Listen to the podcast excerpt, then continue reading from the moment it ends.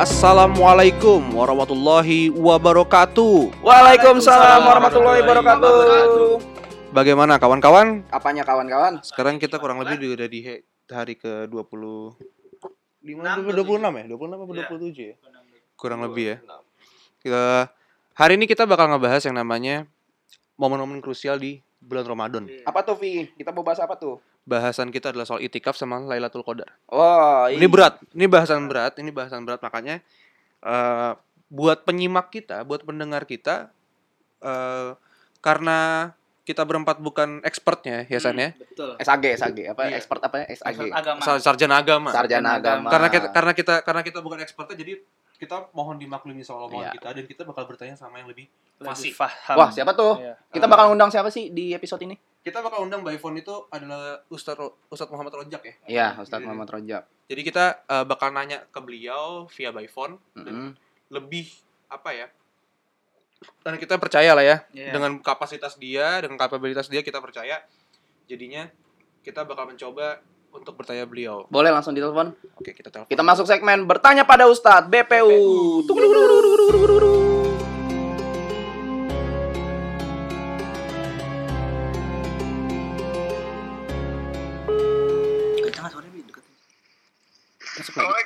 Waalaikumsalam Ustaz. Waalaikumsalam Pak Ustadz. Ustaz kita lagi di apa Ustaz? Musola. Udah Ustaz, alhamdulillah. Tadi kita maka kita apa Ustaz? Yang imam? Yang Imam Sandi Ustaz. Lagi ada Sandi di sini Ustaz. Oh. Alhamdulillah. Alhamdulillah. Sandi udah fase bacanya. Iya katanya biar dia biar dia dapat ini ya Ustaz, biar dapat momen Ramadannya katanya. Iya. Ah. Ustadz kita lagi rekaman nih Ustadz, kita lagi rekaman buat eh, di YouTube sama Spotify, buat podcast kita, semacam kayak live ra- live radio kita. Kita mau nanya nih Ustadz, kan eh, kalau bulan Ramadan itu identik sama itikaf sama Lailatul mal- Qadar. malam Lailatul Qadar ya Ustadz ya. Cuma di tengah-tengah di tengah-tengah eh, pandemi Covid kayak COVID-19. gini itikaf nggak ada itu bagaimana Ustadz? Kalau kalau kalau menurut Ustadz ada alternatifnya kah kalau ada orang pengen itikaf kita ada Nih, Jadi gini, itikaf itu sendiri artinya berdiam diri. Ya. ya Ustadz. Nah, nah, sebaik-baik berdiam diri itu memang benar di masjid. Hmm. Karena kalau kita berdiam diri di masjid kan tidak ada yang ganggu tuh. Iya betul Ustadz. Nah, cuman karena memang dalam keadaan seperti ini ya kita juga bisa beritikaf di rumah. Oh diperbolehkan tuh Ustadz ya? Bisa itikaf. Jadi nggak harus di masjid Pak Ustadz ya? Nah, nah, begitu kita itikaf di rumah itu cuma itu biasanya ada dikit-dikit mak, dikit-dikit Oh, iya. pak. Tolong Nah, sapuin kan. kamar gitu Ustadz ya. Ah, ah, belum lagi nih mak, yang ini lagi, inilah, itulah, maka gangguannya banyak. Oh. Nah, cuman kalau bisa, kalau kita bisa ngatur waktu begitu, bisa pada dasarnya juga. Nah, jadi bedanya itu kalau kita itikaf di masjid itu, ya rumah Allah kan di mana aja kita kan di rumah, rumah Allah itu di mana aja kita selama kita mau ibadah. Cuman yang dibilang itikaf itu kan berdiam diri, berzikir, entah dengan apa, dengan cara apa kan. Cuman yang ditakutkan itu kita terganggu. Hmm. Berarti Pak Ustadz. Berarti Pak Ustadz kalau misalkan eh, di masjid mungkin lebih sakral ya Pak Ustadz ya kelihatannya ya. Iya betul, lebih afdol. Lebih Gitu. afdol. Ah, gitu. Cuman karena sekarang kan udah eh, lagi begitu. Iya lagi lagi masjid lebih banyak yang tutup Ustadz. Iya, makanya di rumah juga bisa apalagi yang punya rumah lantai dua di atas kosong begitu. Udah. Wah, Ini lebih kata- lebih nyaman Pak Ustadz ya. Di rumah itu luar biasa sih pada dasarnya itu. Iya Ustadz. Iya. Tapi kalau misalnya itikaf itu sebenarnya hukumnya apa sih Pak Ustadz? Jadi itikaf ini ingat kenapa banyak orang ber- eh, melakukan itikaf di bulan Ramadan. Jadi di bulan Ramadan itu orang banyak melakukan hal-hal yang sunnah. Kenapa? Karena hal-hal yang sunnah di bulan Ramadan itu pahalanya itu sama dengan amalan yang wajib. Oh, gitu, ya, ya. Kan baru tahu kan Sandi kan? Santri baru tahu gimana ceritanya. Jam Nah, jadi begitu jadi amalan yang sunnah di bulan Ramadan itu dilakukan di bulan Ramadan itu pahalanya itu dengan amalan yang wajib. Nah, jadi kita jangan sia-siakan itu amalan yang sunnah di bulan Ramadan itu.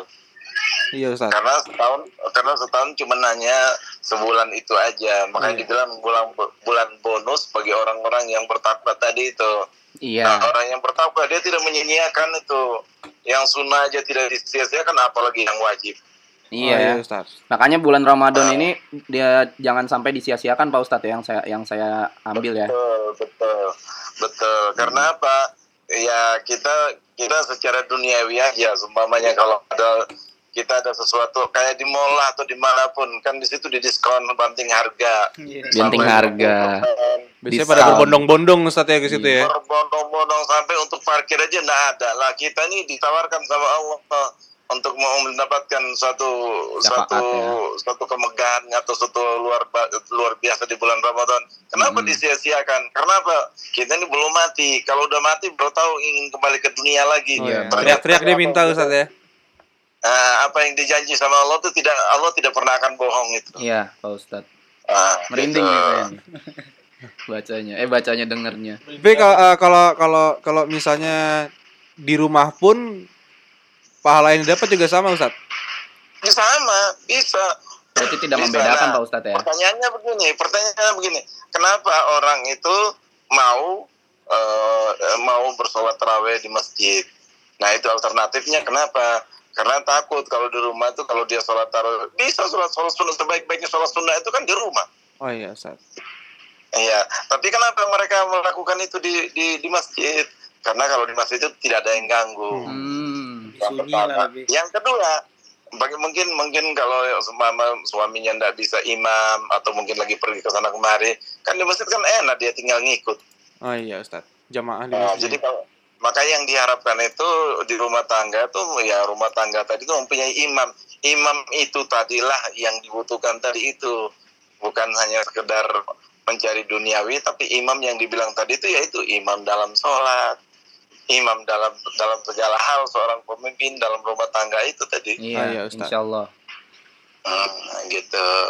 Kalau untuk malam Lailatul Qadar Ustaz, Nah, kalau Lail- Lailatul Qadar itu ya pada dasarnya itu cuma ada kan di bulan Ramadan itu Lailatul Qadar khairun min Iya. alfi syahr. Allah berfirman dalam surat eh, Al-Qadar itu kan eh, malam Lailatul Qadar lebih baik daripada seribu bulan. Seribu bulan bagi orang yang dapat Lailatul Qadar itu kurang lebih usianya 80-an tahun gitu. Hmm. Nah, sekarang bagaimana untuk mendapatkan Lailatul Qadar itu sudah kelihatan dari awal itu makanya kata Nabi man fariha biduhuli Ramadan harrama jasaduh ala niran. Siapa orang yang bahagia, senang datangnya bulan Ramadan, itu jasadnya diharamkan oleh Allah untuk dijilat api neraka. Oh, subhanallah. diharamkan Senang. untuk dijilat sama api neraka. Iya, maksudnya dijauhin sejauh-jauhnya. Kenapa? Dia senang datangnya bulan Ramadan. Dia menyambut Ustaz ya Kenapa? berarti ya. Nah, menyambut datang bulan Ramadan. Nah, dalam bulan Ramadan itulah dia isi di situ itu tadi itu. Karena bulan Kegiatan-kegiatannya. puasa itu diisilah di situ. Hmm. Ciri-cirinya apa?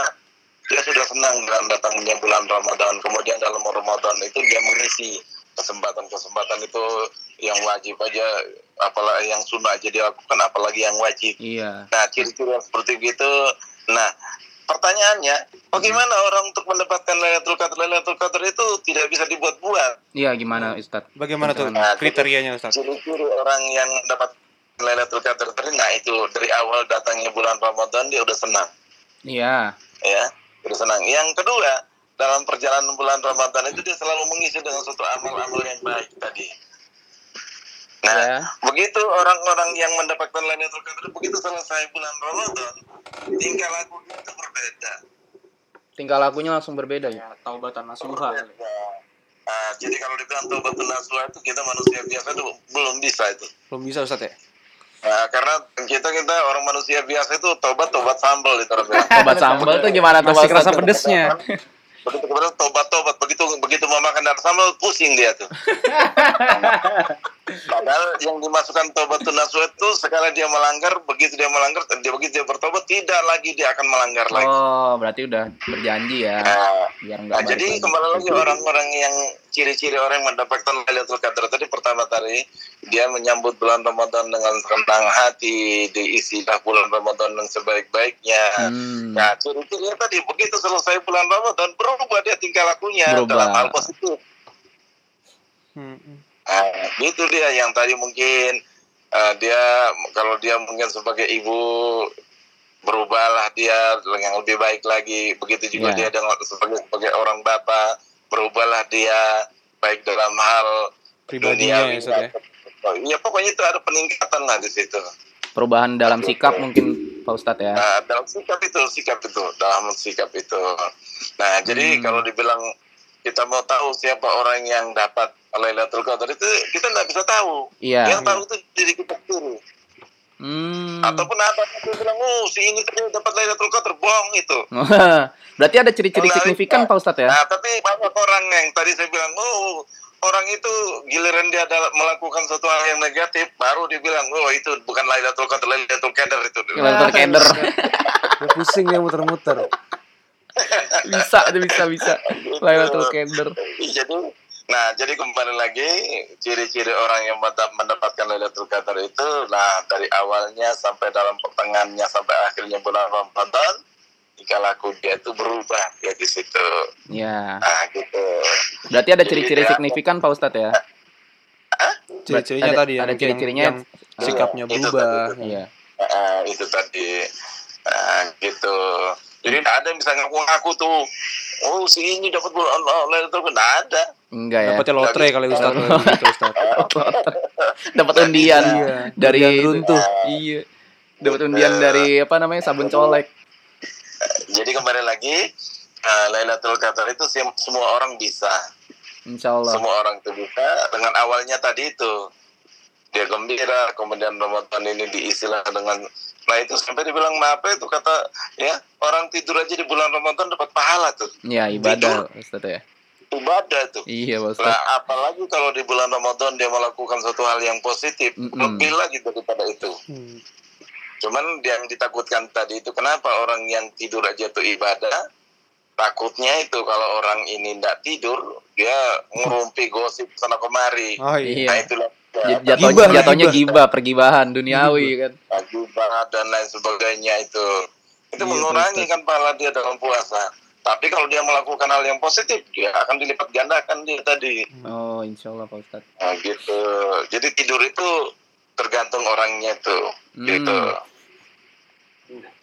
Iya, Tidur Tapi nggak seharian tidur juga. Raji tuh Pak Ustadz. Kan nggak ada tadarusan sama sholatnya yang ada kalau gitu. Raj- Eh, itu tadi, itu tadi. Tadi Ya, kalau seumpamanya namanya orang tidur seharian kemudian sampai lupa yang sholat wajib, waduh kasihan amat itu. ya. Sungguh kasihan kan Razi. Tadi- Di mimpi, di mimpi. tadi Pak Ustadz, Pak Ustadz maaf nih Pak Ustadz. Tadi ketika Pak Ustadz bilang eh, sholat aja, eh, tidur aja jadinya ibadah ya kan? Jadi ber, Nah. jadi pahala ya kan Pak Ustadz kan? Nah tadi Raji dengarnya langsung semeringah itu Pak Ustadz mumpung nih wah Gitu, jadi ya itu tidurnya dia tahu tuh, mungkin dia zikir dia tuh. oh iya tidurnya cikir Dia ti- tidurnya berasa di alas alas ini, alas masjid kali. iya adem gitu Adem. Dia, dia berzikir dia tuh, tidurnya dia tuh lain itu. Waduh, Kenapa? lain. Iya.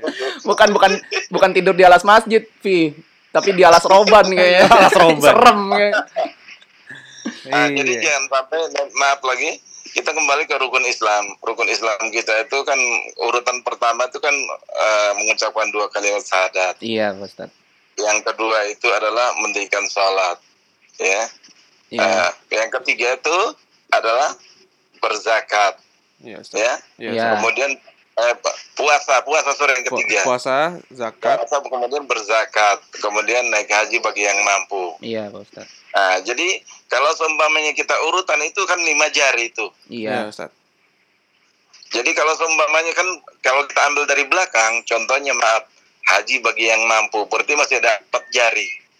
iya Kalau empat jari gitu kita pegang sesuatu masih bisa nggak? Masih. Bisa, Ustaz. Masih, oke. Sekarang bagi yang zakat, orang yang mampu dia berzakat. Kalau yang tidak mampu, bagaimana? Berarti masih ada tiga jari kan? Iya, masih Ustaz. ada tiga jari Dia memegang sesuatu masih bisa nggak? Masih bisa, Masih Ustaz. bisa. Masih. Nah, karena masih ada tiga Masih ada Tiga tiga jari. tiga, tiga jari.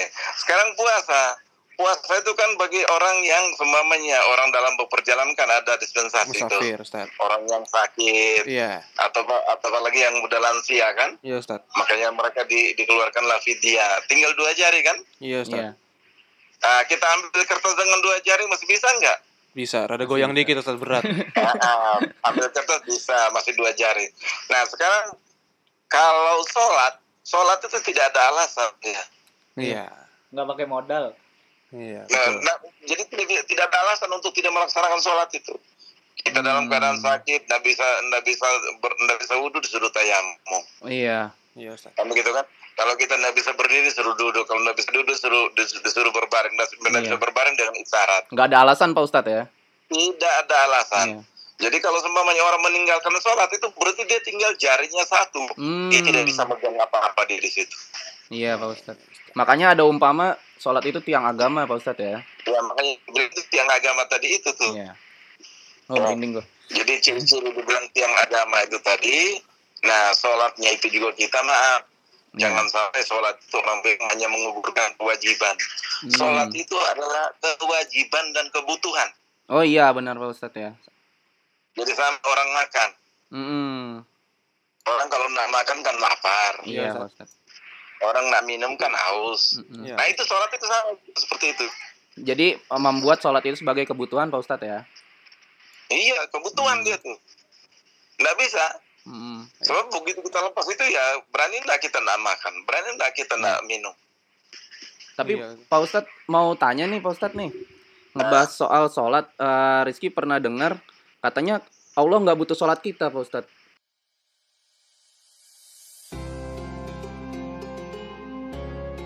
Ayo, kepotong kan? kenapa tuh Ki Karena lanjutannya di next episode. Stay tune terus ya di podcast sudut kamar karena kita bakal apa nih Ji? Kita bakal upload setiap harinya selama bulan Ramadan pukul 5 sore menemani ngabuburit kalian yang stay at home di rumah aja. Jangan lupa kita bantu landaikan kurva. Di rumah aja. Bye bye. Selamat berpuasa. Hmm, jangan budi ya.